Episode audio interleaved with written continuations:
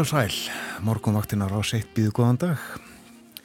Reisin er förstu dagur, eh, förstu dagurinn 18. ágúst, klukkunum vantar núna nýjum mínutur í sjö. Hér sitja Björn Þór Sigbjörnsson og Þórun Elisabeth Bóadúttir. Við hugum að veðrinu og uh, sjáum að það er hlýtt á landinu. Tveggjast af að hitta tölur með allri ströndinni, hringin í kringum landið. 13 gráður í Reykjavík, hægur vindur, allskíjað, 10 stegi hitti á Kvanneri, 11 gráður í Stikisólmi, lítilsáttar ryggning þar klukkan 6, 12 stig á Patræsfyrði, 10 stegi hitti í Bólungavík, 10 gráður líka á Holmavík, 11 stegi hitti á Blönduási og Logn, 10 stegi hitti á Söðunisvita, og 10 gráður líka á Akureyri sem og á Húsavík og logn bæði á Akureyri og Húsavík. Hægur vindur annar staðar á Norðurlandi. 2 metrar til dæmis á Rauvarhöfn og 12 stiga hitti þar. 11 gráður á Skeltingstöðum 12 á Egilstöðum og 11 stiga hitti með allri söðuströndinni á höfni Hortnafyrði á Kvískerjum og á Kirkjubæðaklaustri 12 gráður á Stórhauða í Vestmannegjum og kvast þar austan 19 fór í 23 metra í mestu kviðu og 13 steg að hiti í Árnesi. Svona viðræði klukkan 6. Og þá að veðrunu eins og það verður samkvæmt spáni. Veður horfur á landinu eru þannig að það er suðaustlæg 8 til 15 metrar á sekundu og dálítil rigning eða súld. Kvassast siðst en yfirleitt bjartara og þurft norðan heiða. Það rofar viða til í nótt og á morgun austlægiða breytilega átt 3-8 metrar á sekundu en 8-13 siðst. Víða bjartviðri en skíjað austanlands og með söður ströndinni og sumstaðar súld. Hiti yfirleitt 12-21 stig hlýjast norð-austanlands. Og það er þessi læð sem að minnst var á í gæri hugleðingum viðfræðing sem að veldur austlægum vindi á landinu sumstaðar allkvössum og kviðóttum síðst eins og við höfum komið inn á. Og e, það verður þannig til morguns. Og því er að nýgildi aðtjóðasemt viðfræðing sem líkur á snörpum vindkviðum undir eigafjöllum í Mýrdal og Öræfum. En þessi lægð ber til okkar lít og rakt loft og e, það gefur lítilsáttarrykningu öðru kvoru sunnan og vestan til hitatöluðnar í kringum 20 stíg við bestu aðstæður. En Já, reggsvæðin fjarlægast í nótt og þá rófart viða til og veðrið ætti að leika við gesti og hlaupara menninganætur borgarinnar á morgun. Það hversir svo af norð-austri á sunnudag og fer að regna á austurhelmingi landsins, segir í hugleðingum veðurfræðings. Örlítið hlýra í höfuborgum hinna Norðurlandana en eh, lengra liðið á daginn þar 17 stíg núna í Kaupanahöfn fer í 23 gráður og verður glada solskinn setni partinn 16 stík núna í Óslo og uh, fer í 20 gráður eitthvað svo leiðis 16 stík að hitti líka í Stokkólmi þar er skíjað og uh, verður í dag sínist okkur. 17 gráður í Helsingi þar verður líka skíjað í dag. Í Þórsöfni færiðum er 11 stík að hitti og uh, núk á Grænlandi 5 gráður. Þar er nótt en verður nýju stík að hitti í dag þegar bestlætur og nefnum hér fáinnar borgir til viðbútar það er 20 steg að hitti í París. Og uh, línar nokkuð þetta sem líður á daginn fyrir 31 steg Berlín 21 gráð þar, uh, þar verður glada sólskinn eftir hátegi og hittin í kringum 30 steg og uh, hvað skoðum við næst? Jú, Rómaborg 25 steg að hitti þar.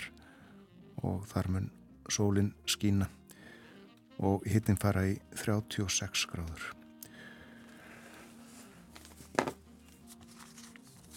Og útlýtt bara fyrir ágætis veður á Íslandi í dag eh, þó að það kunni að regna eitthvað aðeins umstæðar. En uh, í þættinum í dag verða með okkur Siri Arnardóttir, Óttar Proppi, Kristján Sigur Jónsson, Arnar Egger Torútsen og uh, Patsi Klein. Og byrjum á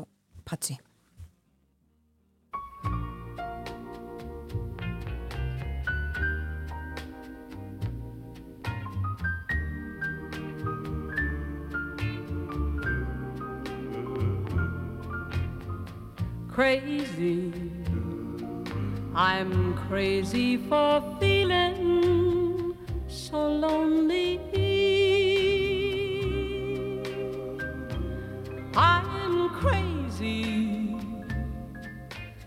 Crazy for feeling so blue.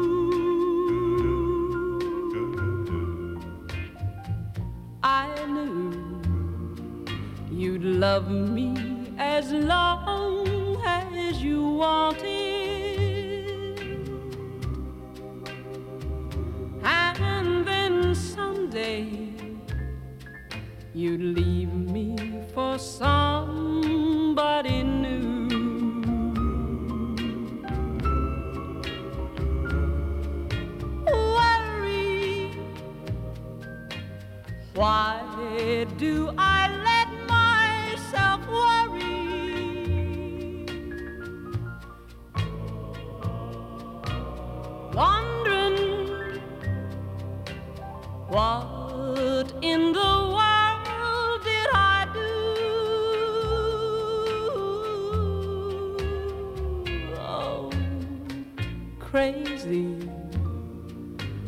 thinking that my love could hold you. I'm crazy for trying and crazy for crying, and I'm crazy for loving you. Crazy for thinking that my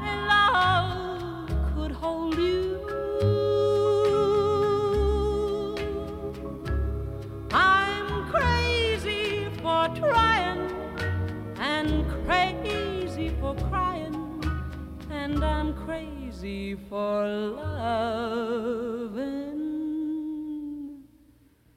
you.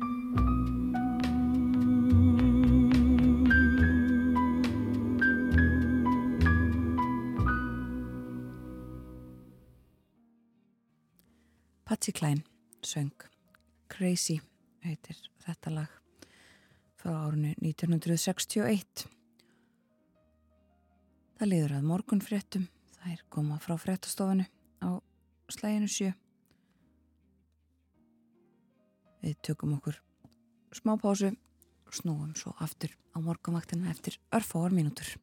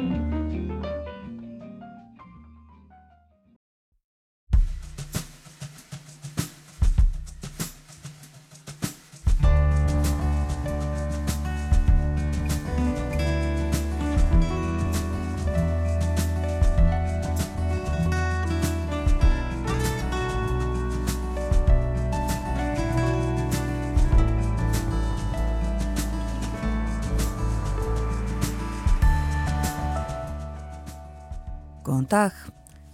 Morgunvaktin hilsar förstu daginn 18. ágúst. Umsjón með þættinum hafa Björn Þór Sigbjörnsson og Þórun Elisabeth Bóadóttir. Ámælistagur Reykjavíkur borgar er í dag 237 ár eru síðan borgin eða bærin öllu heldur sem þá var hlaut kaupstaðaréttindi. Og af því tilhefni ætlum við að spjallaðin Reykjavík ekki um öll vandamálin sem svo oft er fjallaðum heldur um menninguna og mannlífið. Hjá okkur verða óttar proppið tónlistamadur og Siri Arnardóttir, rittufundur. Við röpum um það góða í borginni og uh, spyrjum líka hvað vandar, hvað má gera betur. Já, Reykjavík hefur breyst tölvert á síðustu árum eins og raunin erum margar aðrar borgir sem ferðamenn sækja heim í stórum stíl. Sumstaðar er fólk að spyrna við fótum og segir nóg komið. Við ræðum meðal annars um ferðamanna fjölda við Kristján Sigurjónsson, rittstjóra túrista í dag. Og svo er það þetta, það vakti aðtekli um daginn að fórseti líðveldisins, Guðinni T.H. Jóhannesson, sótti þungarokks hátíð í Þýskalandi. Hann hlustaði þar á tónlistina, meðal annars á íslensku hljómsveitirnar fjórar sem að tróðu upp og hann tók líka þátt í málþingi um þessa tegund tónlistar. Þungarokk er eins og heiti gefið til kynna þungt og það er alls ekki allra, ekki frekar en önnur tónlist svo sem. En við ætlum að reyna að ná utanum þungarokkið um söguna, einkennin, vinsaldirnar, svartaleðrið og síðahárið Arnar Egert Tórótsen kann þetta og verður hjá okkur hálf nýju. Já, nógum að vera í landinu um helgina og við skulum líta á hvernig viðrar. Það verður söðaustlega átt á landinu í dag, 8-15 metrar á sekundu og dálitil rigning eða súld, en yfirleitt bjartara og þurft norðan heiða. Og það rófar viða til í nótt og verður viða bjartviðri á morgun en skíjað austanlands og með söður ströndinni, sumstaðar súld þar. En annars austlægiða breytilega átt hægur vindur 3-8 metrar á sekundu. Og hitin yfirleitt 12 til 21 stig hlýjast norðaustanlands. Það kvessir svo af norðaustri á sunnudag og fyrir að regna á austur helmiki landsins en verður bjart með köplum söðvestanlands og áfram hlýtt 10 til 20 stig hlýjast sunnan heiða. Og það kólnar svo heldur fyrir norðan í byrjun næstu viku en verður áfram hlýtt siðra. Fínasta veður viða um land og eh, verður þannig áfram. Það má kannski nefna samt áfram að það er kvast og verður til fyrramáls siðst á landinu. Svo kvast að, eh, fólk ætti að passa sér í umferðinni ef það er á ferðinni með svona aftan í vagna eða eitthvað slíkt. Reykjavíkur marathónið á morgun, Reykjavíkur marathón Íslandsbanka eins og það heitir og uh, þáttakandur sem hafðu skráð sig sóttu rásnúmerinn sín í gær og uh, það er um 11.000 sem að hlaupa.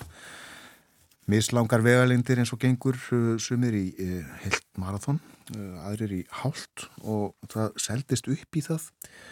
Og svo er þetta fara stittri spretti tíu kilometra er það ekki? Og, og, og enn stittri jafnvel. En uh, það verða margir á gödunum í fyrramórið og uh, mynd úr uh, líklega lögadalsvöllinni var það ekki þar sem að fólk sótti þessi skráningarnúmer sín í gæðir nú það er fjallaðum ferðamenn og fjölda þeirra. Og rætt hér á fórsíðu morgunblæðsins og, og uh, enn frekar inni í blæðinu við Kristófer Ólífursson, hann er frangastastjóri hótelkeðu Sender Hótela og uh, undir hann eru borin ummæli sem höfðu voru eftir Lilju Alfredsdóttur, ferðamálar á þeirra í morgunblæðinu í gær. Uh, hún saði eitthvað á þá leið að til að standa að tilstandi að mæta áskorunum vegna skemmtiferðarskipa með því að útvíka gistináttaskatt þannig að nái yfir þau frekar en að grípa til aðgangsstýringa.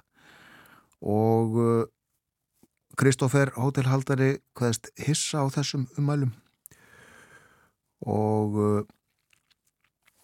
segir gistináttaskatt ekki leysa vandan en aðgangsstýring er mikilvæg. Og um þessi mál ætlum við að fjallasvoltið í spjalli okkar um ferðamál með Kristjáni Sigurjónssoni rittstjóra túrista, hann verður á línni talar frá Svíþjóð eftir morgun frednar klukkan átta og svo er hér sagt frá úttækt umhverfistofnunar á uh, skólprinsun og skólpmálum. En uh, í henni kemur fram að umtalsverð verðmæti séu fælin í seiru og enn sem komið er, er lítið um að seiru sé sapnað Einingis þrýr þjættbílistæðir hafa skilað upplýsingum um magnseiru og það eru eilstæðir, Garðabær og Hveragerði. En uh, hreinsun á skólpi er víðast hvar ófullnægjandi í landinu. Það tekur mörg ára að koma hlutunum í lagsegir hér. Þetta var á fórsíðu morgunblæsins, þennan morgunin. Og uh, nánar fjallað um þessi fráetumál inn í blæðinu, eins og áður saði. Bændu byggðið um regningu segi hér í fyrirsögn mikill þurkur hefur valdið bruna á túnum á Suðurlandi. En heiskapur gengur vel í eigafyrði við uh, fjöldluð með mitt um heiskapinn þar uh, hér í þættinu fyrir vikunni töluðum við Sigur B. Reynsson Frankata stjóra búnaða sambands eigafyrðar gott hljóð í bændum í eigafyrði almennt og uh, svo er hér inn í blæðinu sagt frá ymsu sem að uh, er á bóðstólnum á menninganótt á morgun og munum við nefna hér ráin atriði á eftir. Lítum aðeins í eh, nokkrar, nokkur erlend blöð fyrst. Við eh, sjáum það, það er áfram mörg sömu málin á fórsýðum eh, fjölmela út í heimi talaðum Hawaii og við herðum þau nýjustu tíðandi af þeim málum í frettatímanum hérna áðan sem eru þau að yfirmaður um, almannavarna mála hefur sagt af sér því ennbætti eftir, uh, eftir þessa atbyrði. Í Svíþjóð er uh, tölvert fjallaðum hækkað viðbúnaðastig vegna hriðjuverka mynd á uh, fórsíðun á Svenska dagblæðið nei á dagins nýhettir til dæmis frá uh, bladamannafundi í gær þar sem að e, yfir maður öryggislauruglunar og fórsettirsráþara komu saman. Um, hættan mælist á fjóruða stíi af fimm núna. Uh, þetta er í kjölfar yfirlýsinga uh, og fretta sem hafa borist vegna þess að öfga hópar hafi sett Svíþjóð og Danmörku á uh, sinn ratar eftir uh, kóranbrennur.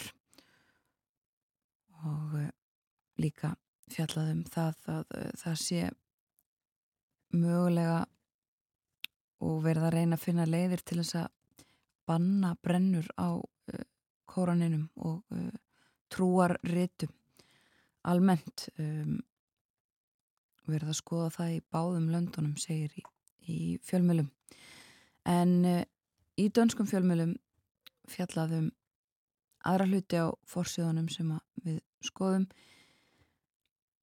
Það er fjallaðum Rúsland og Úkrænu á fórsíðunu á informasjón og það að rúsar herði tökinn og uh, hernað sinn gegn uh, kornrækt og útflutningi í Úkrænu þetta hafi þetta verið stór mál og uh, svona eðulega komist í frettir uh, hættan og uh, það, það er afleðingar sem að þetta hefur á, á matvæla öryggi og uh, talaði sérfræðinga núna sem að segja að það sé verið að ráðast í auknumæli á hafnir og agra, korn agra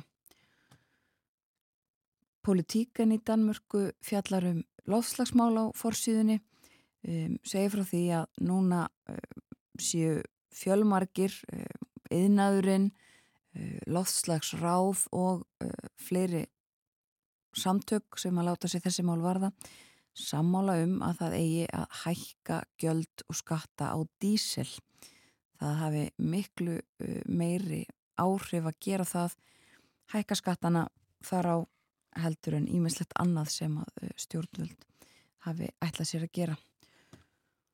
Og það er aðalfrettin á, á politíkan en skoðanagreinin sem alltaf eða yðurlega er á forsýðunni þar fjallarum mingamálið sem að við myndum staðins á hér í spjalli með Borgþóri Artgrímsinni fyrir vikunni. Þetta gamla mál frá COVID-19 tímum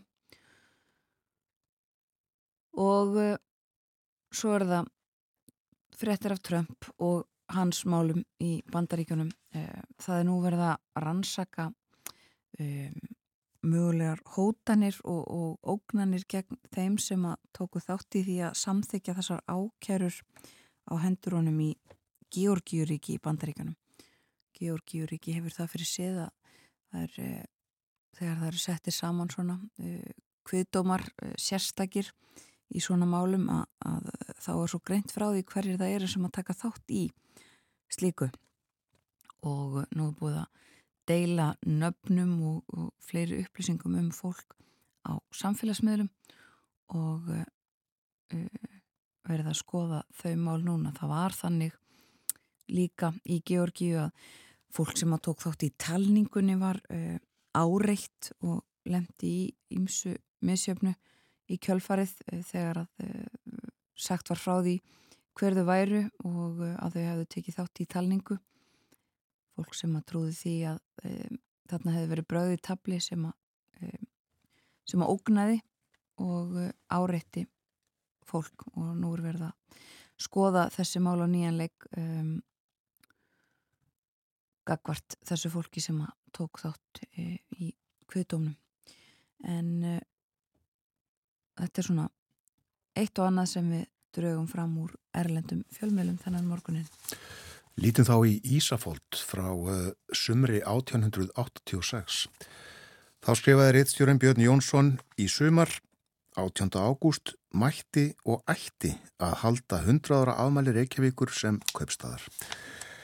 Hún fekk kaupstæðar réttindi með opnubriði 18. ágúst 1786. Reykjavík hefur vaksið mjög síðan, hún var Þingká uh, 1803 og voru kaupstaða búar þá ekki nema rúm 300.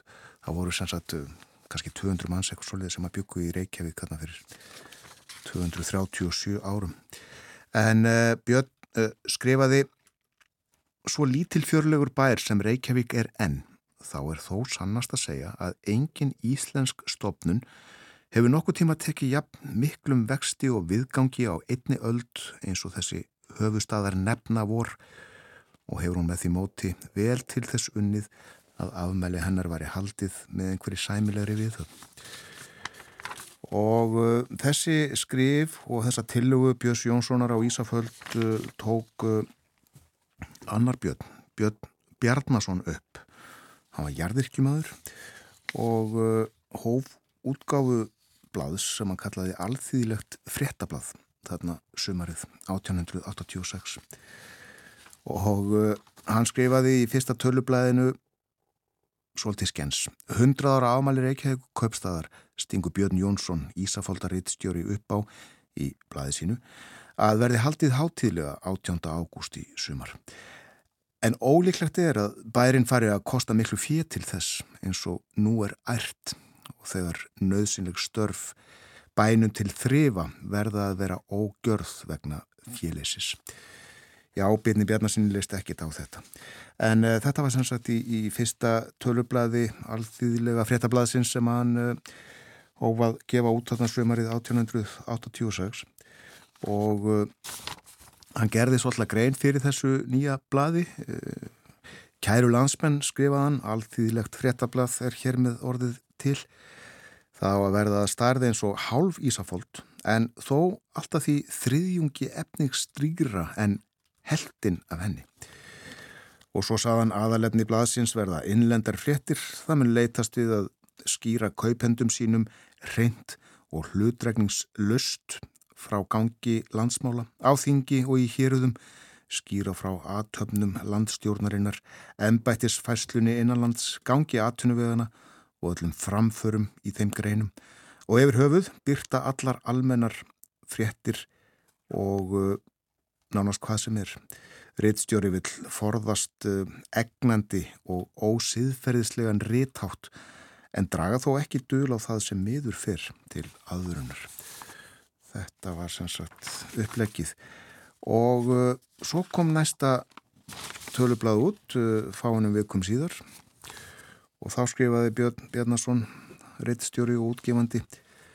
Það er nú komið að þeim tíma, er ég miðaði við til að byrja alþýðlegt fréttablað ef nægilega margir kaupendur hefðu fengist. En nú hafa undirtektirnar, engum hér í nágrenninu, verið svo döfar að það er eigi til að hugsa að byrja bladið með svo fáum kaupendum. Ég hveð yður, kæru landsmenn, og óskiður árs og fríðar. Þetta skrifaði henni í júli sömarið, já, 1886. Og uh, svo var líka auglýsing í þessu öru tölblöði og þar auglisti Björn Bjarnason sjálfur sem var uh, eins og áður saði jarðyrkjumadur hann auglisti eftir sláttin í sumar og í höst gef ég mönnum hér nærlendis kost á að veita forstuðu jarðbóta störfum svo sem sléttum, ræslu, gyrðingum og fleiru ef einhver kynni að vilja nota það. Einni veit ég leiðbynningar í jarðrækt sé þess óskað. Já, hann uh, þurfti semst að hætta að skrifa í þetta blað sitt og gefa það út og uh, sinna jarðræktinni á nýjan leik. Og hann uh, Háttíðahöld fóru fram í tilefnið að 100 ára afmæli Reykjavíkur hérna sumarið, eða í ágústmánið 1886 og frá þeim sagði Björn í Ísafaldu þetta 100 ára afmælis Reykjavíkur er minnst í dag þar að segja hann sagði frá dagskráni, það verður samsæti á Hotel Íslandi og þjóðháttíð á Östruvelli og uh, þar verða fánar og blómsvegar. Og uh, þar er og ristur ræðupallur og tjöld til veitinga og það eru sungið og lúðrar þeittir og ef tilvill flugaldar klukkan 11 í kvöld. Og uh, þetta var af 100 ára afmælusöldum í ár er það 237 ár. Og uh, það verður sungið og það verða flugaldar um, meðal þeirra sem að koma fram á tónleikum á Arnarhóli annarkvöld er Una Torfadóttir. Og skulum heyra hana syngja. Ekkert að.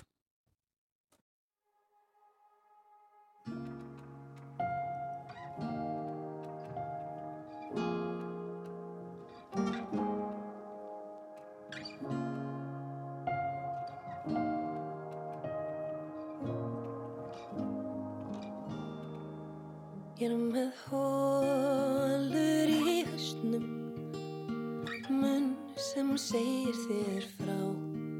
Ég er með augur sem leka Tár sem fullir af þrá. Og þú hendur í hendur Segir Martin samt fátt. Þú ert stór kostleg stelpa En við snúum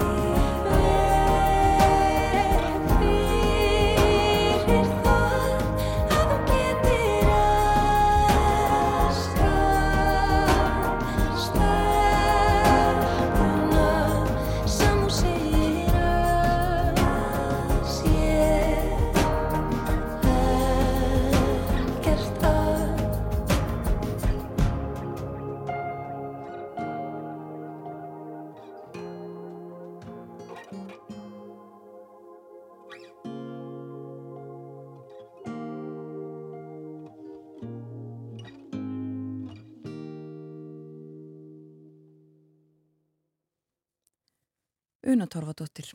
Ekkert að heitir þetta lag, hún er meðal þeirra sem að koma fram á Arnarhóli annað kvöld. Miklum tónleikum tónaflóð heitir þetta. Fram að flugutarsýningu ámenninganótt. Nokkuð verið fjallað um uh, öskju að undanförnu, landris þar, við vitum ekki annað en að það sé allt með kjörum kjörum. Uh, fátt nýtt hafi gerst þannig síðasta sólarhinga eða svo. En uh, já, mikið talað um öskju, það var svo fjalltöluvert um öskju hlýðiger og þessa kröfu sem að Ísafíða hefur sett fram um að feldverði 2903 í öskju hlýðinni til að bæta auka öryggi í aðflugslínunni að Reykjavíkur flugvelli. Við ætlum að tala um Reykjavík á eftir. Það er von á, á þeim til okkar Óttari Proppi og Sirri Arnardóttur og já, nefnum það að Óttari Proppi verður líka á stóra sviðinu á Arnarhóla morgun með hljómsett sinni ham. En uh, aldrei að vita nema við uh, tölum aðeins um Reykjavíkur flugvell í uh, spjallinu hér á eftir við þau um borgina menninguna og mannlífið í Reykjavík.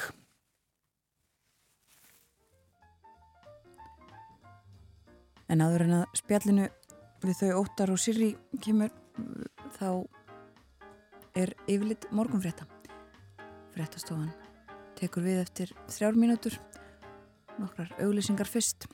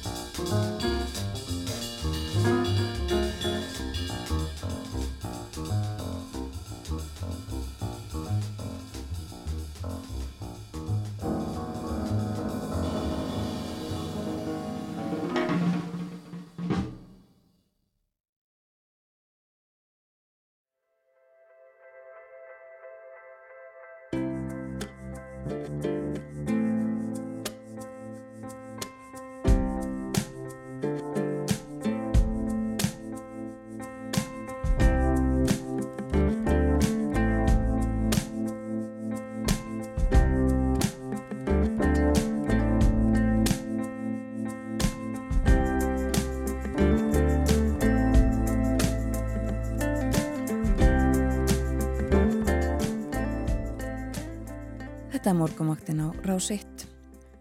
Klukkan orðin rúmlega hálf átta þennan förstu dags morgun það er átjóndi ágúst í dag. Og ágættis veður á landinu í dag. Sumstaðar svo litil rigning og kvast alveg siðst á landinu. En eh, bjart og þurrt norðan heiða. Það rófar svo víða til í nótt, verður hægur vindur, austlægaða breytilega átt á morgun og víða bjartviðri en skíjað austanlands og með söður ströndunni og sumstaðar súld. Hittin yfirleitt á bylunu 12 til 21 stig, hlýjast norðaustanlands og uh, gott veður í kortunum fyrir uh, morgundaginn, ekki síst hér í Reykjavík og á höfuborgarsvæðinu þar sem að uh, verður hlaupið og ímislegt um að vera allan daginn og langt fram á kvöld eins og við höfum aðeins minnst á hér í morgun. Já, Já eh, Reykjavík á ámali í dag, hún er 237 ára, það var 18. ágúst 1786 sem að Reykjavík hlaut kaupstaðaréttindi.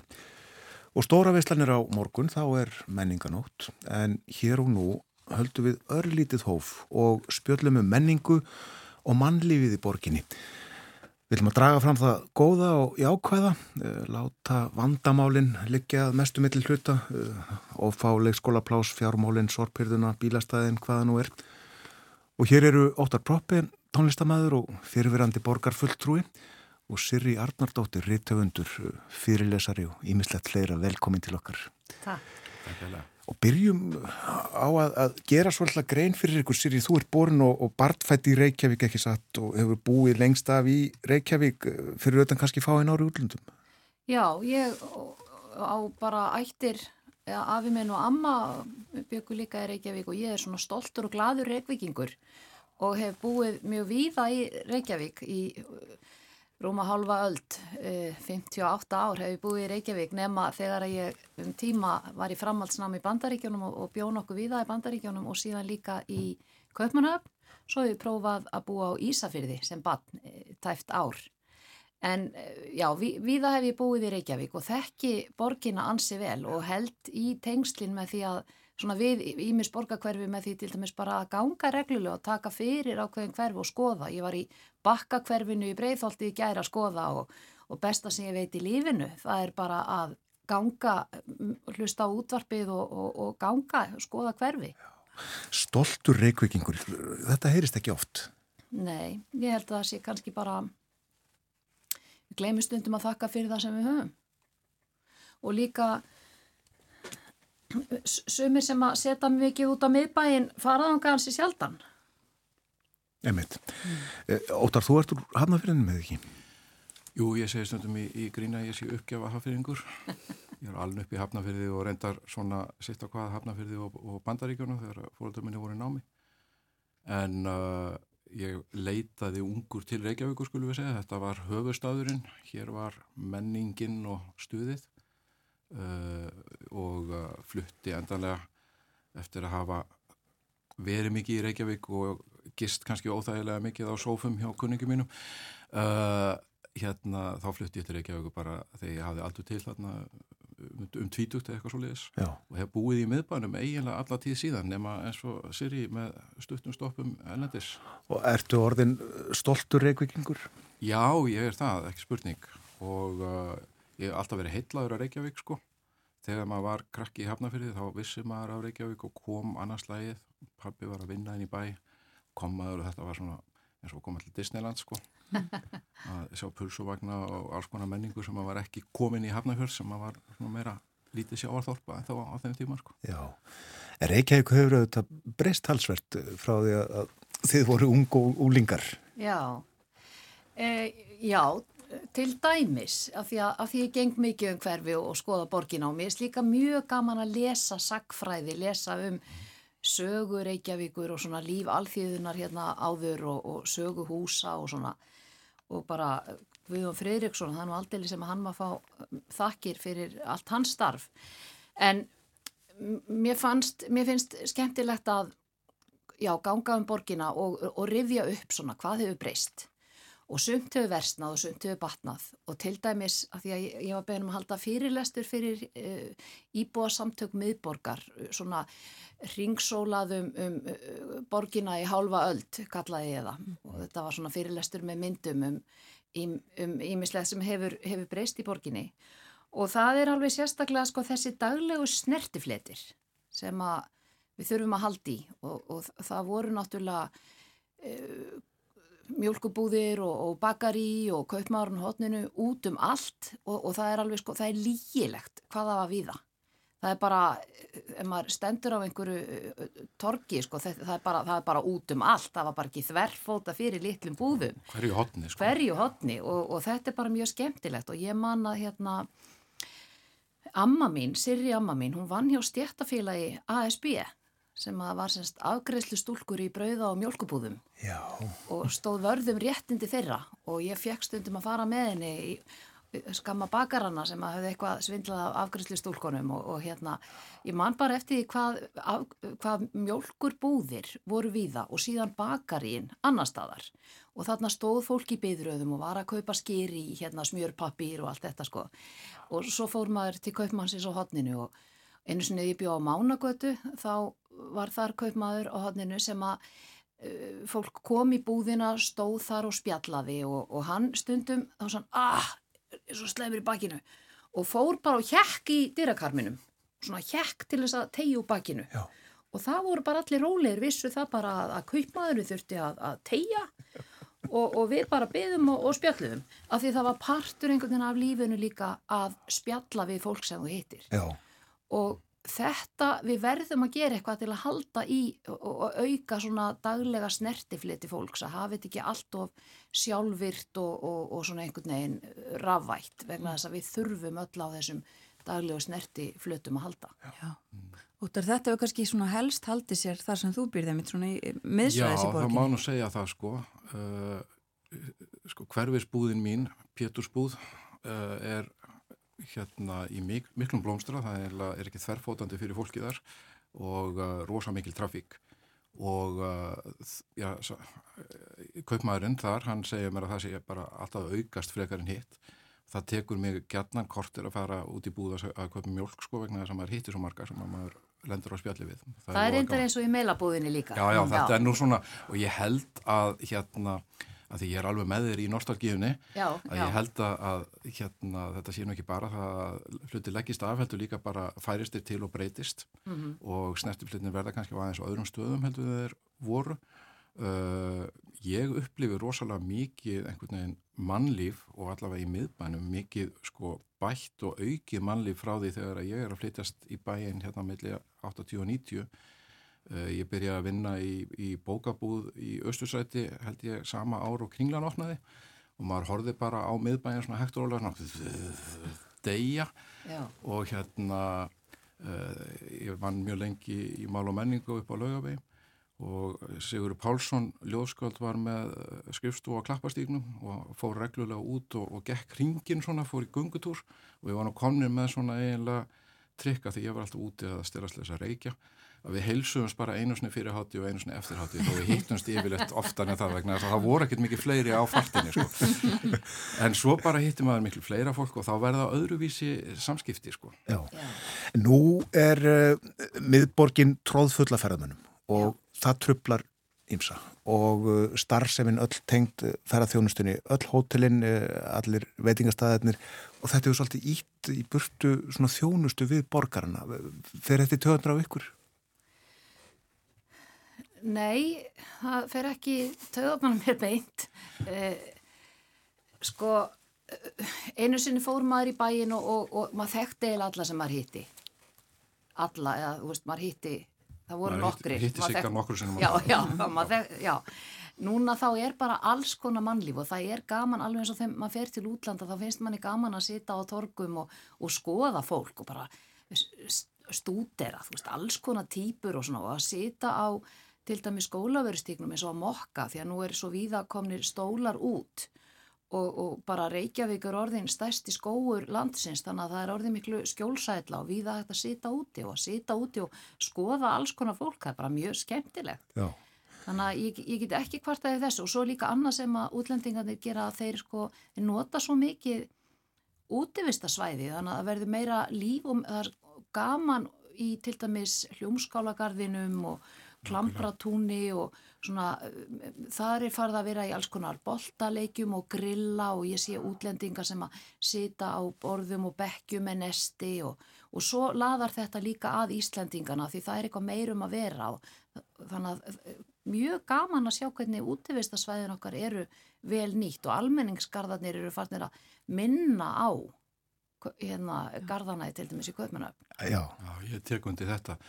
Það er svo mikil breyting á mannlífinu sko, náttúrulega bara miklu meira fólk á ferli og uh, mannlífið er líka uh, miklu víðar um bæin uh, eins og bara nýri miðbæð. Þegar ég kem hérna 86 eða 7 til að vinna í bókabóðinu þá var eiginlega allar búðir voru bara á laugaveginum og í mestalagi svona nokkra metra upp í hliðargötur og svo var fólk helst þá að fara heim til sín eða í, úr að heiman sko á í annar staðir í hverfum. Nún eru bara alls konar forreitningar að, að koma aftur í gamlu plássin þar sem mjölkubúðuna voru mm -hmm. og uh, það að lappa bara um hverfum, maður er alltaf að sjá eitthvað nýtt, maður sér fólk út um allt mm. og, og eins og segir, borgin er náttúrulega orðin gróin það er allt annað veðurfari í borginni heldur en var fyrir 40 árum sko. Já, og sko ég held að það séu 15 eða 20 veitingastæðir út í örf fyrir sig. Einmitt. Og líka annað sem hefur gerst af því að túristatnir eru, hafa náttúrulega svolítið, ef við tekjum með borgina eða eru mjög áberandi þar að þá er mikið líf í útkverfónu finnst mér á kaffihúsum og það er komið svona meiri hverfis stemning, veist, gamla kaffihúsið hérna í e, fellakverfinu eða e, grímsbær, þú veist, hérna kaffivest og bara svona á ýmsu stöðum í útkverfum og bara hverfum það sem að nágrannar hittast, það er orðið mjög skemmtilegt, maður þarf ekki til að fara í miðbæin til að hitt einhvern að spjalla við, maður fer bara á í, í sitt hverfi á einhvern, einhvern stað og þar hittir maður fullt af fólki. Maður sér líka að komlu kjarnarnir eru að lifna við, Já. langkólsvegurinn er bara hressvegur og grímsbærin er hress. Og svo náttúrulega hefur Reykjavík stækkað en ekki bara Reykjavík, heldur líka hefur hún vaksið saman við þessi sveitafjölug eins og ég sagði aðeins sko þegar ég þarna bjóði hafnafyrði þá tók maður rútu sem maður fór út úr hafnafyrði fram hjá nokkrum túnum inn í Garðabæi, út úr Garðabæi fram hjá túni inn í Kópavók og svo framvegis. Núna er þetta í raun og veru allt orðið hverfi í borginni og þetta er orðið svona lítil en samt stórborg. Mm. Já, og... ég hugsaði þetta einmitt sem höfuborg. Ég Já. er ekki mikið í þessu að aðskilja ó, nú er ég komin í Kópavók, ó, nú er ég komin í Hafnafjörð. Ég er bara einhvern veginn borgin og þetta er höfuborgin og mér finnst frábært að fara í göngutúr í Hafnafjörði. Já, og maður hittir fólk sem að mann jafnvel ekki alveg í hvaða sveitafélagi það býr það býr bara í borginu hmm. Það er margt skemmtilegt í, í kópavóðinu núna þannig að við, mér finnst eiginlega bara hálf hallærislegt að hugsa þetta sem einhver, einhverja sveppa hérna, ekki sveppapólitík heldur einhverja svona sveppapólitík og hérna vera að, að, með einhvern rík En uh, sumum finnst Reykjavík uh, eða höfuborgarsvæði sem slíkt orðið of stort og fjölmend uh, og, og hérna það sé ekki gott fyrir fyrir svona fámanna þjóð að svona margir búi á einu stað að verði svona einhver halli. Skiljiði það? Já, já, þannig og þannig sko, þetta er Þaldi sérstakt, við erum auðvitað örþjóð svona í þessu samingi og þetta er hlutfallið þeirra sem að búa á höfðbókarsvæðinu er með því hæsta í heimi uh, fyrir utan bara einhver borgríki. En að samanskapi þá erum við ofsalega að fá og þetta er þráttur allt frekar lítil borg. Uh, það er eðlilegt að sógist, hvað maður að segja, kraftar bæði í, í, í atvinnlífi og menningu og svo framvegis í þessa litlu borg sem að þó hefur einhverja getu til þess að gera hluti Uh, ég var nú einmitt að lesa um England að uh, ef að London væri sjálfstætt ríki þá væri hún 20. sætti efnuhagur í heimi, já, skiljiði. Já. Þetta er ekkert alveg einstæmi en uh, það er alveg merkilegt að núna síðustu árin, síðustu hvað 10 pluss árin, að þá eru við að sjá fjölgun líka víðast hvar út á landi. Þetta hefur, gerðan sagan hefur verið þannig að það er svona, annarkvært hefur Reykjavík verið að vaksa eða Reykjavík hefur verið svona aðeins niður og þá er landsbyðin í stöði að þeir fengu tógara eða eitthvað svo leiðis og svo tilbaka en núna eru öll svæði að vaksa og stærstu vakstarsvæðin, ég var nefnd að skoða þetta bara í gær hérna sveitafélagin, stærstu vakstarsvæðin eh, það sem er mest á fjölgurinn er uh, á svæðum eins og Reykjanesbæ og nú man ég ekki hvaða, það er allavega ekki á höfuborgsvæðinu. Árborg, þar er gríðala mikil vöxt skemmtilegt mannlíf. Hveragerði og... Fjölgun líka á vestfjörðum. Vestfjörðum, emmi. Já, já, það búa fleiri á þólarsöfn núna heldur en byggja í Garðabæð þegar ég var strákur. En e, það er samt eitt sem er svo gott við borgina okkar sem er ekki í öllum höfuborgum og það er þessi mikla snerting við náttúruna. Mm. Þannig að eh, þegar maður er í Reykjavík þá getur maður, maður þarf bara rétt að lappi örfa á mínútur eða sama hvar þú ert og þú getur alltaf komist í tengsl við útivistasvæði og náttúruna. Mm. Finnur er, alltaf líktinn á sjónum. Já, og, og bláfjöll og, og mm. við erum með skóa og fjöll og lagsveiði á og ég veit ekki hvað og hvað inn, og við erum inni í höfuborg. Já, og þú veist, þú nefnir það, við erum með skóa, þú erum nú aldrei fréttir af öskuliðinni í gær og því að Ísafja vilji fella ja, upp undir þriðjung bara uh, svona skóginum þar og uh, þá fór fólk að leiða hugan líka að flugvallinum og veru hans. Það er nú, þetta er stórt mál, stór mál kannski e, í borgarlífinu og höfuborgarlífinu. Seri, þú býrð við flugvallin? Býr við flugvallin og hef ekki haft ama af því í 32 ár og ég skil alveg að, að landsbyðar fólk vilja hafa flugvallin það sem hann er.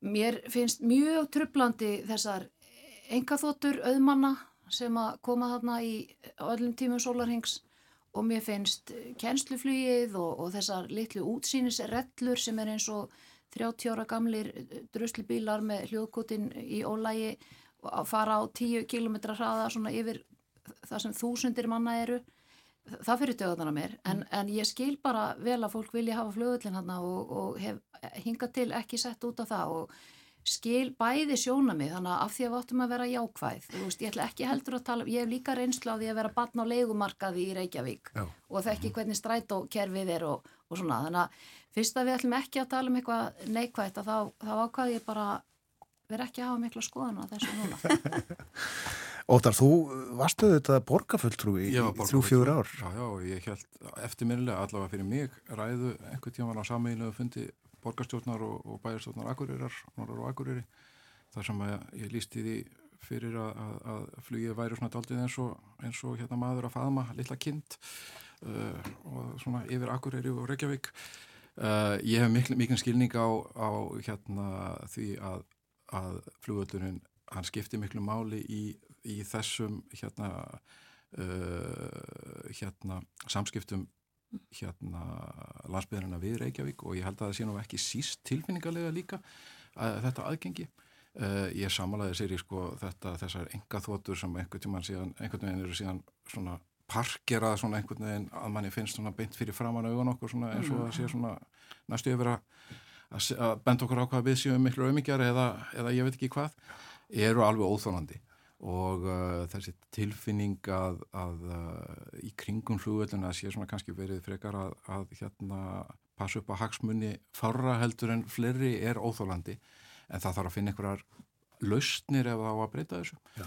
og uh, flugvallarsvæðið er náttúrulega núorðið komið bara algjörlega inn í miðju miðbæjarins. Þetta eru miðbæjar hverfi meira sig að skerjafjörðurinn ef þú hugsaður um það, gungu og hjólafæri frá, frá hérna kjarnanum að þá öll uppbygging á þessu svæði er náttúrulega einhvers konar framtíð. En það þarf að finna lausnir og mér er svona svo sem sínst að menn eru daldið til í patentlausnir svona ef við gerum þetta og réttum þessu og það bara svo, svo fáum við bara hraðbröð hérna og síðan eitthvað þá er þetta komið.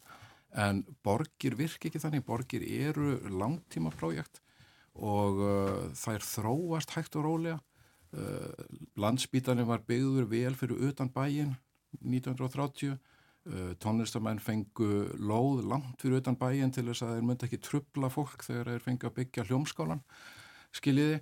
Og við erum á endalösu róli og uh, hérna tæknin er líka að breytast og uh, félagin minn Jóngnar uh, fyrirhundi borgarstjóri hann kann nú gantast oft um hluti en hann talaði um þetta verður náttúrulega miklu öðvöldara þegar alla flugvila verður ráðna ramarsflugvilar og þurfu ekki svona langa brautir. Hver veit hvað gerist sko. En það sem er gaman hérna finnst mér líka er að við erum að sjá að það eru miklu fleiri hverfi heldur en bara miðbærin sem eru farin að eldast. Já. og eru farin að þróskast og þróast. Við erum að fara að sjá bara breiðholtið er orðið mjög skemmtilegt gróið hverfi sem er að fara í gegnum svona aðra þriðju kynnslóð Mhm.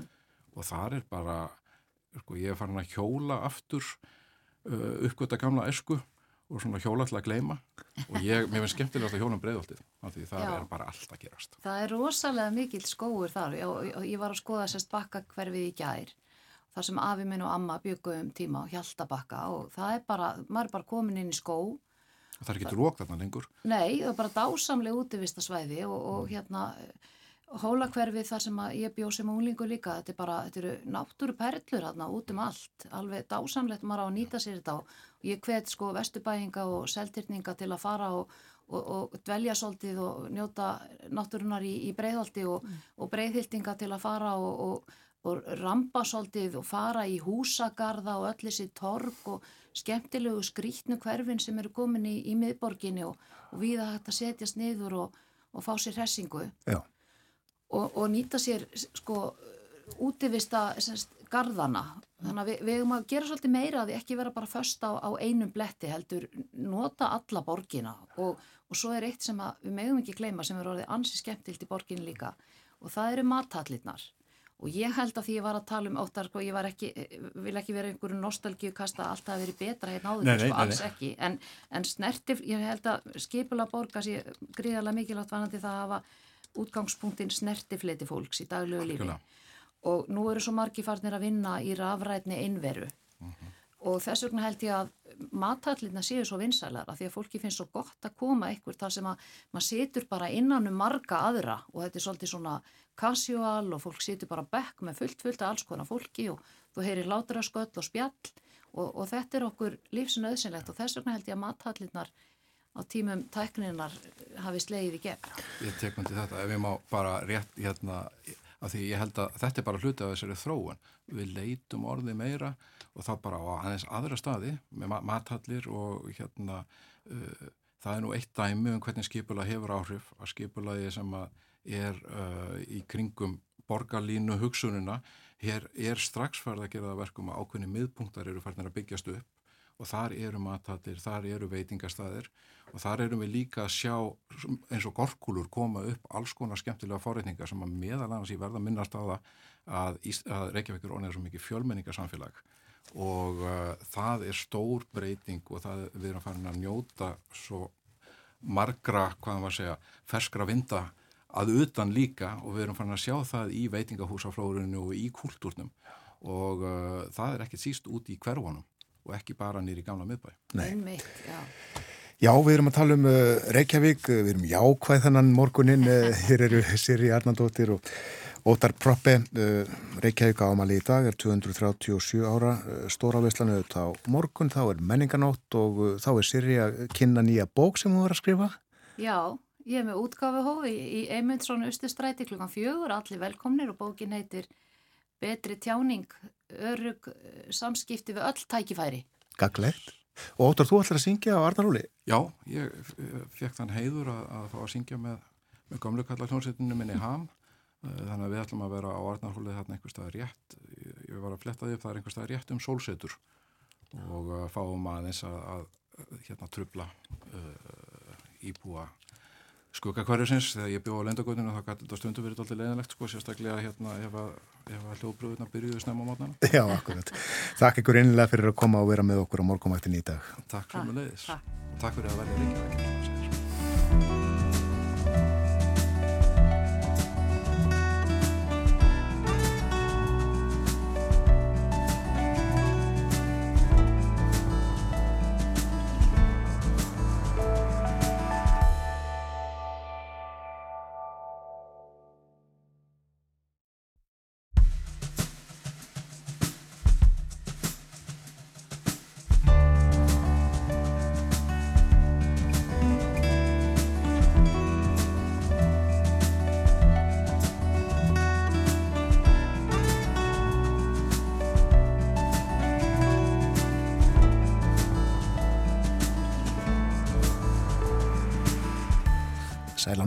það hlusta á morgunvaktina á Rás 1, klukkan farin að ganga nýju. Það er förstu dagur í dag, 18. ágúst, já, helgi framundan.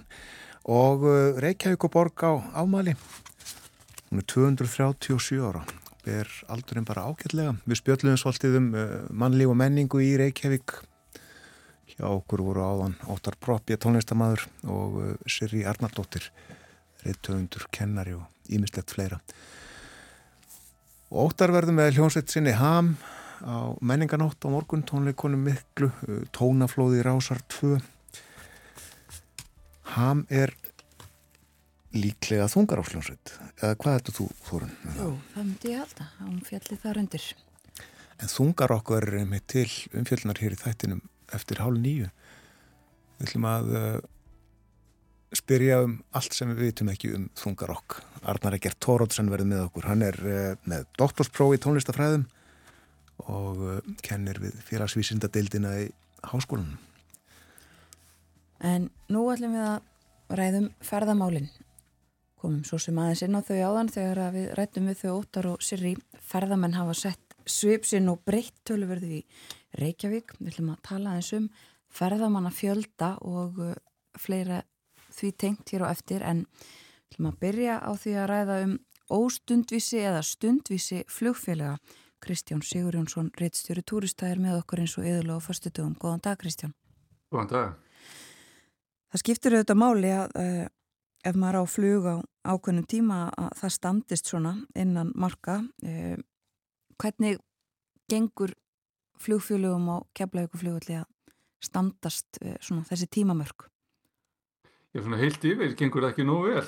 Það er svona yfirlýst markmið stjórnenda keflauguflugullar að farþegar geti treyst í að 85% af ferðunum fari í lofti á réttum tíma en, en, en það markmið hefur nú aldrei náðust í ár og, og, hérna, og stundi sín verið tölvert lakari og, og þetta skrifast nú kannski svona mestu leiti kannski á, á Æslandir. Það félag er langu umsöða mest af keflauguflugulli og þar hefur stundi sín ekki verið nógu góð og meðan að play stendur sér betur og munbetur oftast en, en þetta hefur allavega, hefur allavega ekki verið til fyrirmyndar og ég, ég gerir nú smá samanbörð að keflaguflugulli og, og flugullinum við Gardimón í Oslo og, og, og farþegar, farþegar á Oslo-flugulli geta trist á áallunum mun oftar heldur en farþegar á keflaguflugulli þannig að það þarf að bæta þetta, það er alveg auðljóst.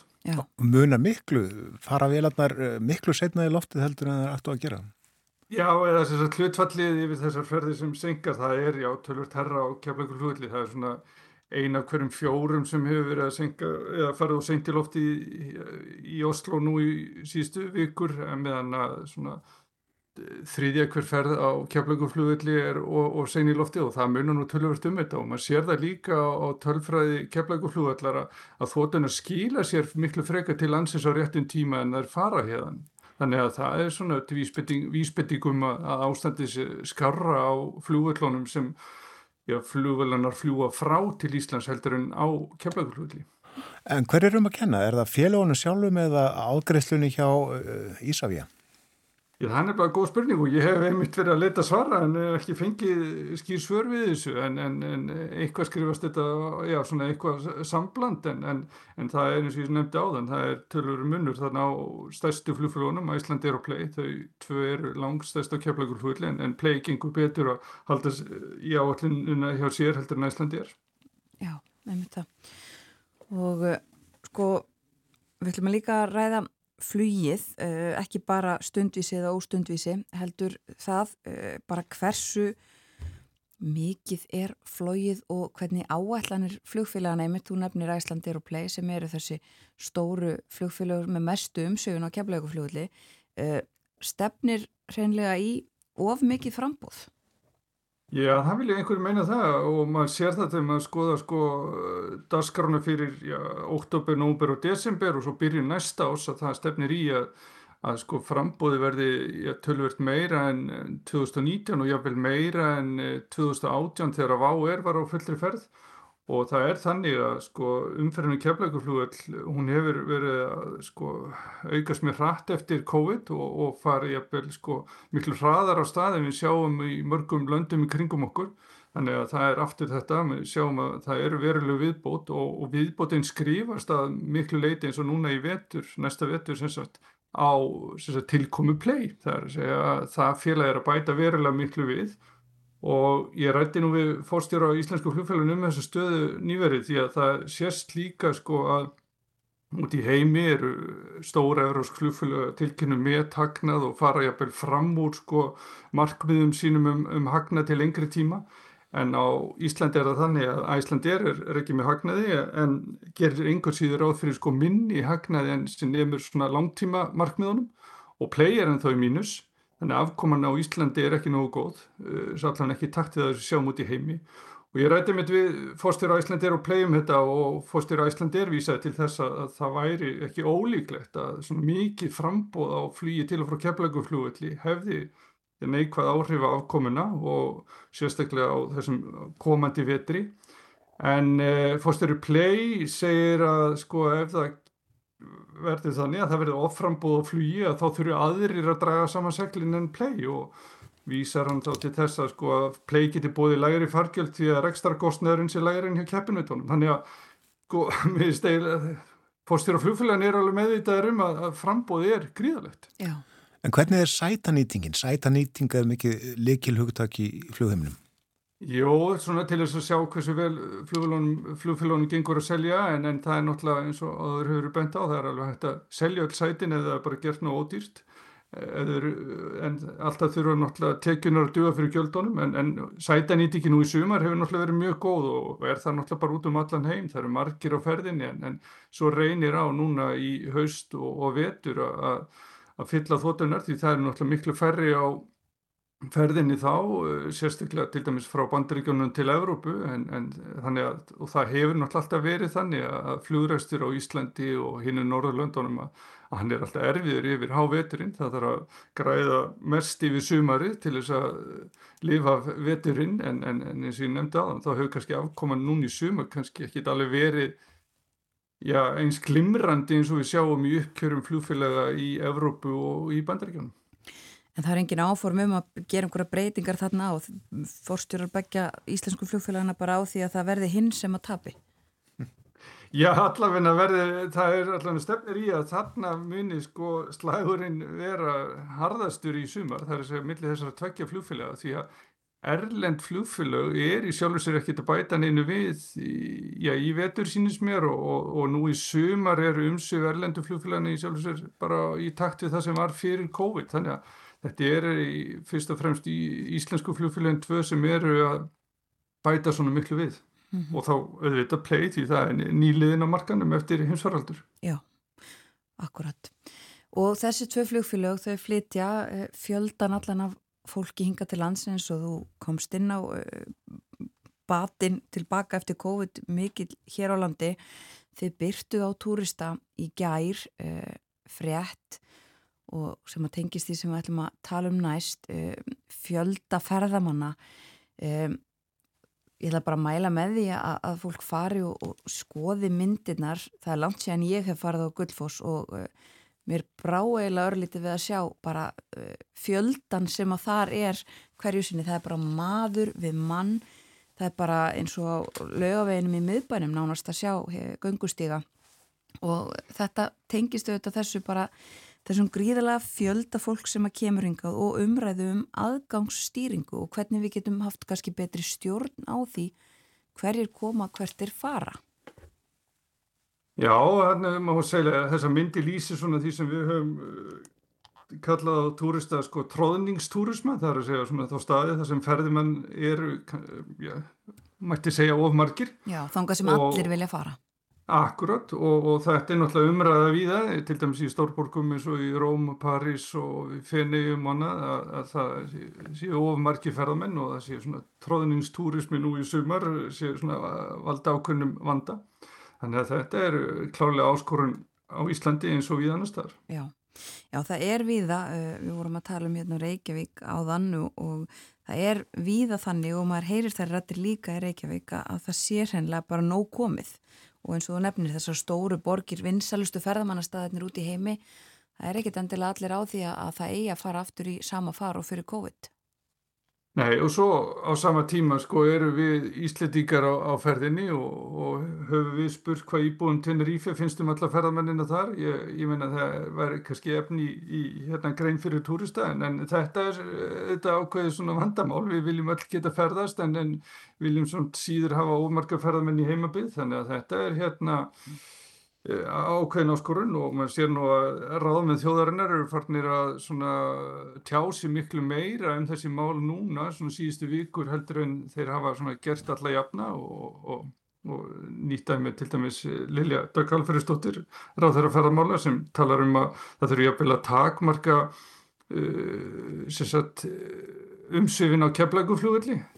Þetta er náttúrulega sko í sjálfu sér stór orð á nokkur á útskýringa því að það er náttúrulega þannig að, að sko hvernig ná að draga úr umferðin keflækuflugulli án þess þá að bara að segja við Æslandir og, og Play að, að þau verða að fækka ferðunum því að eins og ég sagði á þessi tvö fjölu eru að standa undir um 80% af umferðinu keflækuflugull og, og, og rekstur þessara flugfélag byggir eiginlega á því að þau geti já aðtapna sér nokkuð frít á keflagurflúvelli og, og til dæmis gerir á fyrir að stækka um helming fyrir sumarið 2025, það er bara tvö orð í það og, og þannig að við sjáum að, að svona, þessi 10 miljardar sem er búið að fjárfæst í þessum þeir, þeir, það er fjárfæstar reikna með að flugfélögin geti já, haldið áfram að stækka. Já, og einmitt sko 2 miljardar fjárfæsting á keflagurflúvelli, það er verið að stækka, það er verið að undibúa þetta allt saman.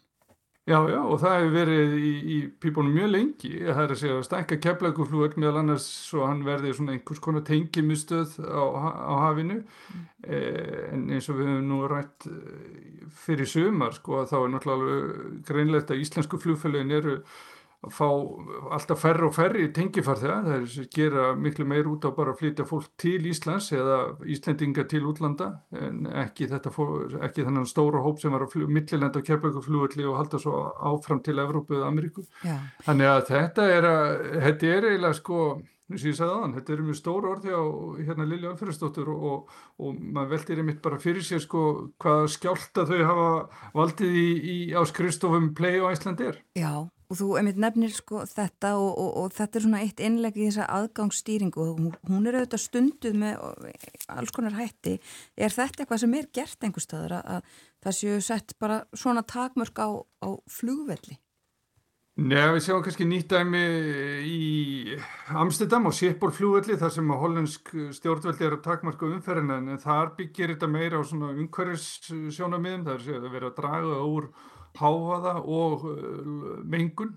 Það er þetta takmarka til dæmis flug seint á kvöldin og nóttunni og, og, og þetta er svona, já, mitt, ekki gert til þess að kannski fænka farþjóðum, heldur fyrst og fremst svona frá umhverjusjónum miðum.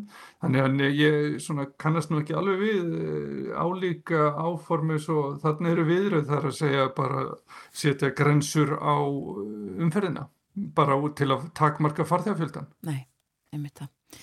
Segjum þetta gott að ferðamálum í þetta skiptið kæra þakkir fyrir í dag Kristján Sigurjónsson, reittstjóri Túrista. Takk sem leiðis. Við höfum talað svolítið um menninganótt í Reykjavík á morgun, margt á dagskrá, en uh, það er einmislegt fleira á segði í landinu. Nefni það að fornminja dagur verður á Rapseri á morgun og uh, þar mun Margret Rönn Hallmundsdóttir, forlega fræðingur hjá Náttúrustofu Vestfjörða segja frá uh, rannsók sem að staðið hefur í einn tólf ár uh, Arnarfjörður á miðöldum og uh, að erindi hennar loknu þá verður gengið um rapsirar jörðina og líka farið yfir að auðkúlu sem er næsti bæri við. En þar hefur verið uppgröftur og rannsóknir á landnámsbíli þar. Áhugavert. Svo eru blómstrandi dagar í hveragerði Uh, hófust í gær og standa fram á sunnudag held ég og ég nefni það að í hátteginu í dag verða tónleikar í kirkjunni í hverjagerði og þar mun Pétur Nói Stefánsson leika leta klassík, ímist á orgelið eða flíilin, allir velkomnir. Reykjóla dagar verða líka um helgina hefjast í dag og standa fram á sunnudag. Það eru meðal annars country tónleikar í kvöld, sundlega parti, ball og dráttarvela skrúðganga á morgun klukkan 2 Dráttarvela skrúðganga? Já, Já. E, þetta er árlegt. Dráttarvela skrúðganga leggur að stað frá grundhægt verður að fylgjast með ekstrinum í gegnum þorpið. Svo að dráttarvelarnar fara þarna um. Svo er það dráttarvela femi við þurfum að skoða þetta eitthvað nánar en já, e, nógum að vera í landinu e, og stærsti viðbörðurinn líklega í miðborg Reykjavíkur. Og uh, þar verða tónleikar annað kvöld, við hefum nefnt Ímsa uh, sem að koma þar fram. Una Torfadóttir líkum lag með henni áðan. Óttar Proppi sem var gestur okkar kemur fram með hljómsveit sinni Ham. Þetta eru svona 40 ára afmælistónleikar uh, Rás 2 40 ára á þessu ári sem að stendur fyrir þessum tónleikum. Og uh, Ragnhildur Gísladóttir verður líka þarna með hljómsveit og fjölda gesta. Það verður held ég síðasta atriðið á þessum tónleikum og skulum heyra Ragnhildi syngja. Þetta er Draumaprinsinn.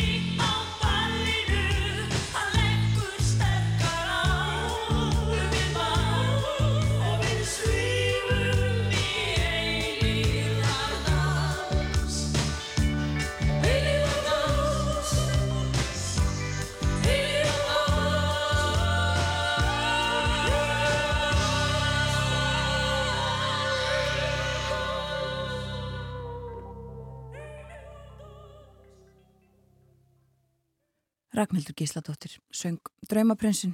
Hún er meðal þeirra sem koma fram á tónaflóði á menninganótt annað kvöld. Við fyrum að leipa fréttastofinni að, líður að yfirliti morgunfrétta og að því loknu þá ætlum við að ræðum þungarokk. Arnar Ekkert Tórótsen er að koma sér fyrir hérna hjá okkur. Við ætlum að tala um það menninguna ekki síður en tónlistina.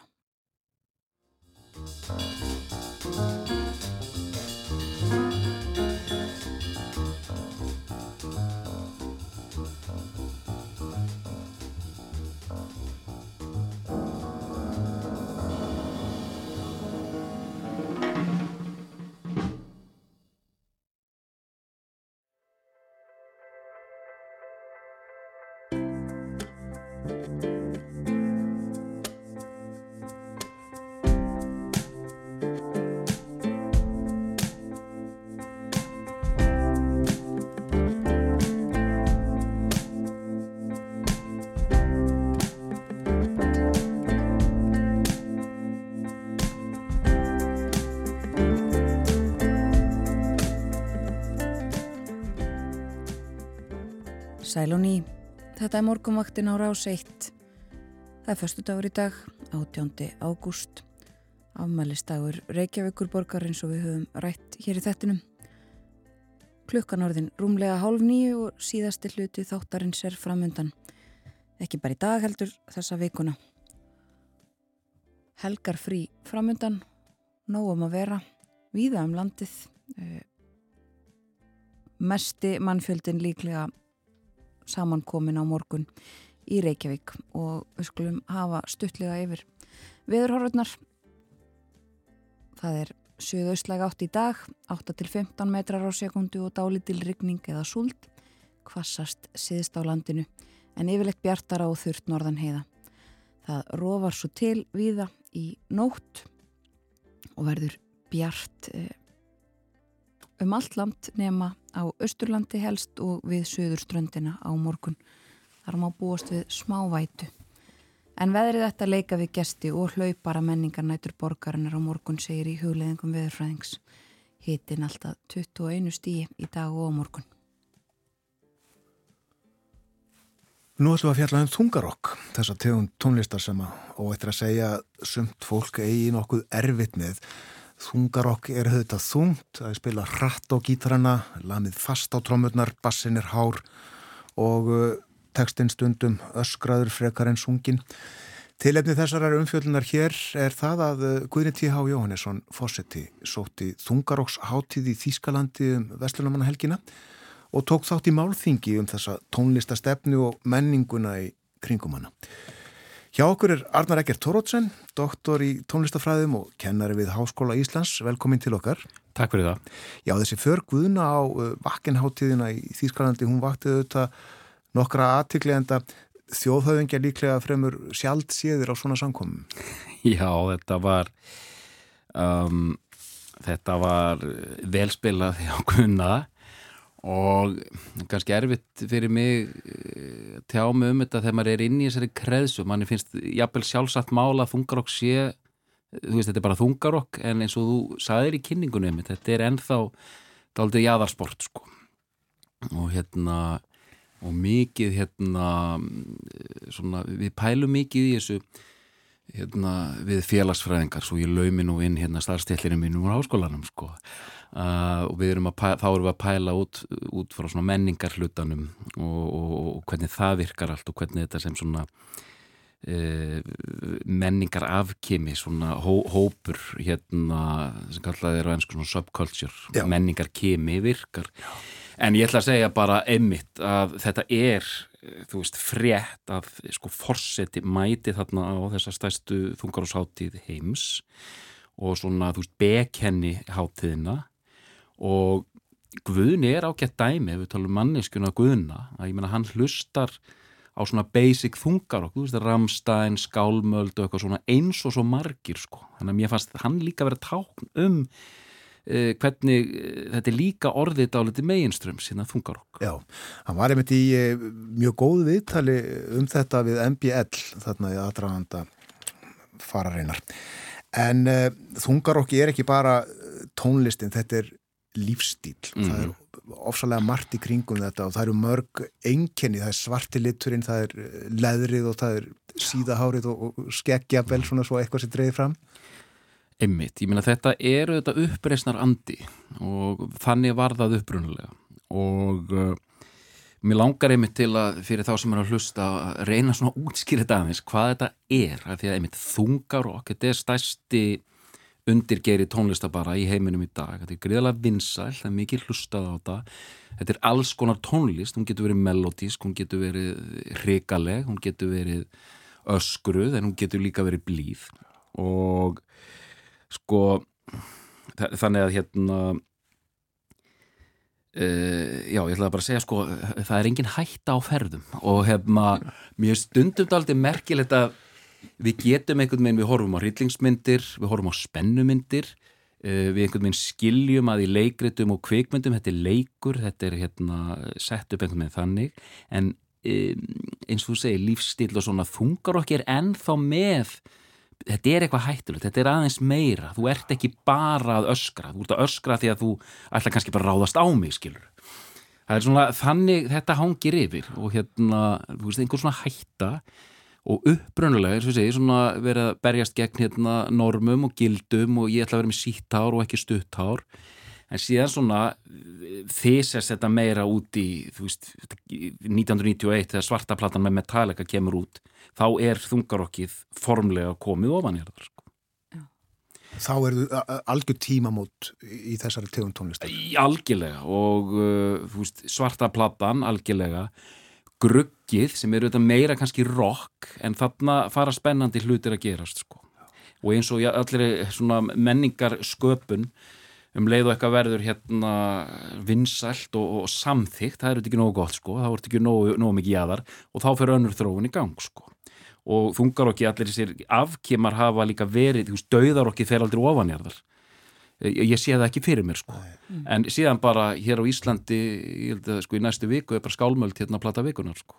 Já. sólstafir hafa átt blötu vikunar við hérna, það, hérna kaffithambandi Íslendingar við erum róleiri gagvart þessu verið stjara og, nor og þannig nefnur þess að tværi íslensku þungarásljónsviti sem eru hvað uh, vinsalastar Já, svona stæstar á, á alþjóð grundvelli og uh, auk þess var Vintes Karavan að spila á Wacken og Kronest sem vann hérna Wacken hérna, undanriðili hérna heima.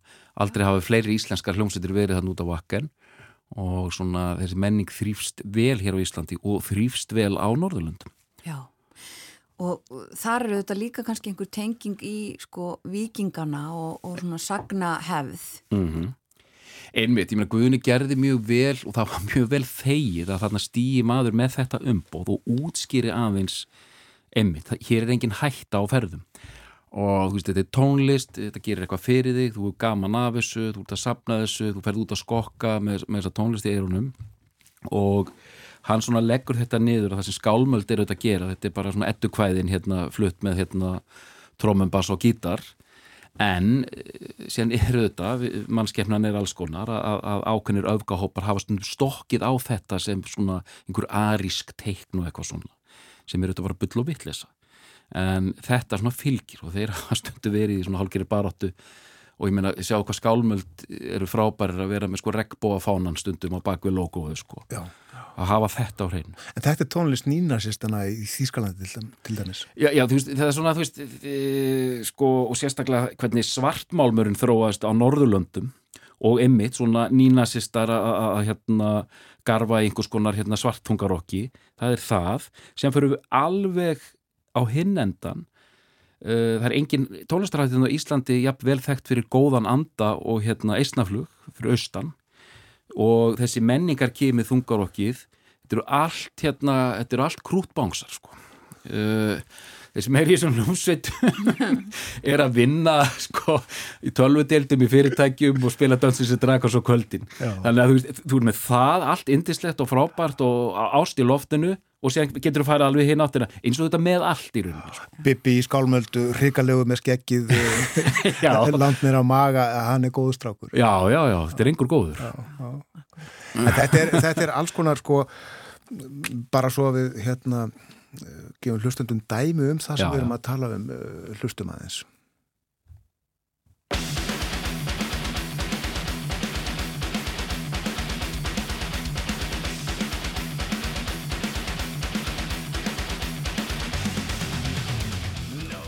Þetta er Megadeth, Þetta er Megadeth. þeir eru stórir. Þeir eru stórir, Dave Mustaine spiluð á NASA hérna einu sinni. Já. Og uh, svo fann ég líka til uh, tóndæmi með uh, Anthrax. Já, já, já, já. Það líka mér. eru þetta þeir? Þetta eru þeir.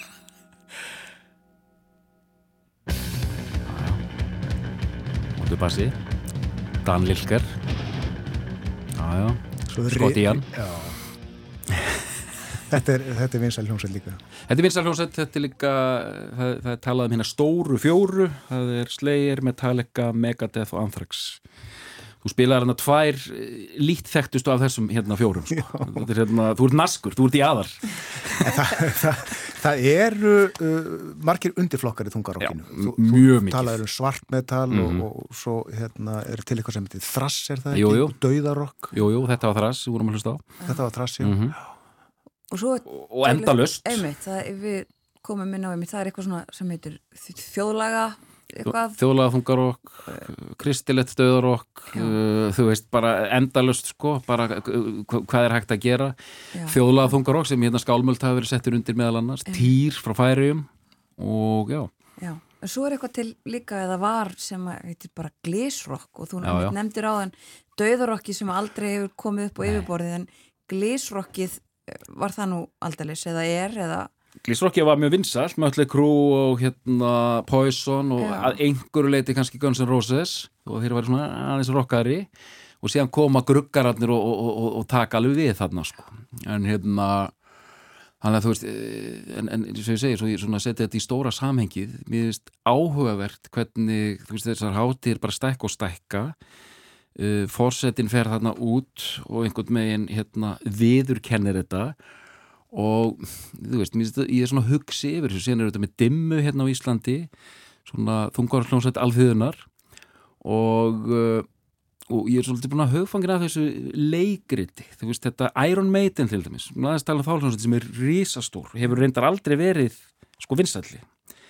Uh, ungir piltar sérstaklega, það er nú önnur umræð þetta er mjög karlægt, allt þetta þungarokk En það var þetta, þú veist, það er þetta teiknimyndilega, það er eitthvað svona skrimslu utan á hérna plötunum og þannig að 14 ára strákar takandum gítara, spilandi þessa melodísku, talandi Guðuna, Guðuna T.H. Þetta er búa mikið sagfræði, hann er sagfræðin Ördan Stíf Harris, bassalegari. Uh, og svona risa band, þú veist, fljúand út um allan heim, spila eh, risa tónleika fyrir afa, pappa og, og afastrákar. Já, já, en þessar hljómsveitir eru á stóru leikvöngunum. Já, algjörlega sko og bara ótrúlega vinsælt og í Suður Ameriku þeir fá aldrei nóga, nóga þungarokki þar þannig að þú veist undirstefna menningar kemi en alveg risastórt en það er eitthvað í þessu ég er bara kenning hérna í beitin útsendingu þú getur aldrei farið með þetta hérna þú getur aldrei farið með þetta almennlega upp sko.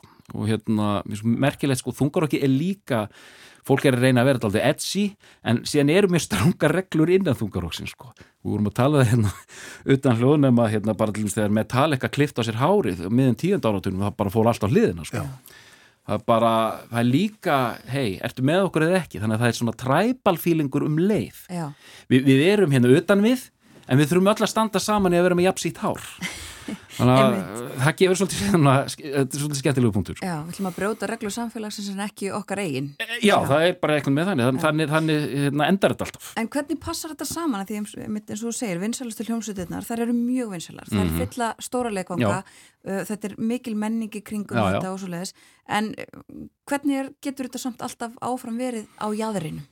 Um, ég, sko, mjög góð spurning, uh, eins og ég sagði, svona sögulega séð var þetta svona andstæða, ég er á mó- mótið þeir og mótið reglunum, sko, og bara, þú veist, þetta er svart, þetta er dögt og eitthvað svona, það er verið að daðra við, hérna, þetta myrka, þetta ókennilega í, í, í- manninum og eitthvað svona, þannig að þú veist, þetta er, já, eitthvað, daður við eitthvað sem ekki má og svo frammi, sko. Já, en Mhm. þú komst líka inn á eitt áðan sem við ætlum með þetta að spyrja þau um, sem er þetta, hvar eru konurnar? Þetta er mjög góð spurning og þær eru auðvitað allt of hérna, þetta, er- þetta er bara hrikalegt sko, því að til dæmis bara í fræðaheiminu mínum þetta var fyrsta fólki sem steig út úr það nefndi ekki að vera til hliðar á svona tónlistar ástöfnum það er bara metal stöttis núna og hérna metal hérna eh, þannig að þú veist það er rosalega mikið ris á íms, í ýmsum stöðum sko, þú veist fórsetin mættir hafna og hvar eru konunar þú veist það eru oftast bara svona er hlusta, það eru í, í, í áhannandahópnum, það eru það er til svona óberu þungarokk sko það sem kona frontar alltaf. En þetta er aldrei staðan þetta er bara svona bæði heilt yfir staðan í tónlistabransanum. En bara leiðilegt að segja frá því ég er búin að vera dásamöndu hvað þessi allt saman indislegt og gott fólk sko. En þarna bara dregst þetta aftur, aftur á bakk og nefnir glísrokki sem verður mjög svona hven, nei hérna, karlrembulegt og, og það allt sko þannig að þetta, við skulum við skulum ekki vera hrættu að taka þessu umræði að staðan er ekki góð ef ég bara nefna það þannig sko. Nei Um, nefnt þessar íslensku tón, uh, hljómsveitir sem eru, eru vinsalar uh, þungaráshljómsveitir mm -hmm. er Eirikur Haugsson okkar fyrsti þungar okkar? Eirikur Haugsson auðvitað spilar gríðastóra rullu í íslensku þungarokki og, og íslensk þungarokk ég minna þetta byrjar úti bara 70, Black Sabbath við erum svona 15 árum á eftir og fyrstas reynræktaða íslenska þungarokksplatan er platan með Drísli frá 1985 sem, það sem hefur verið að reyna sig við svona uh, Iron Maiden-legt þungarokk sko. Og hann, þú byrjaði hann í start sko en það, þetta tekið allar leið sko. Þá komið hérna gatta, gatta hérna gattarnir á, á hendurnar og leðujakkarnir og allt þetta sko, farið allar leið í ímyndinni og spi, ég spila mikið það sko, fer séðan hann út til Norex og, og spila með arts og svona, hann er þetta reynræktaður Rauðhærið Rittarinn er, er mikill þungar okkur Já, frábær söngur yfir þetta Já, stórkostlegur hérna Sagan segir að það átt að ráða hann inn í ærumetil hann á tímabili sko. Hvað segir þú? Og sá hefði nú jafn hattað það sko. Ha. Black Sabbath segir byrjaði þetta um 1970?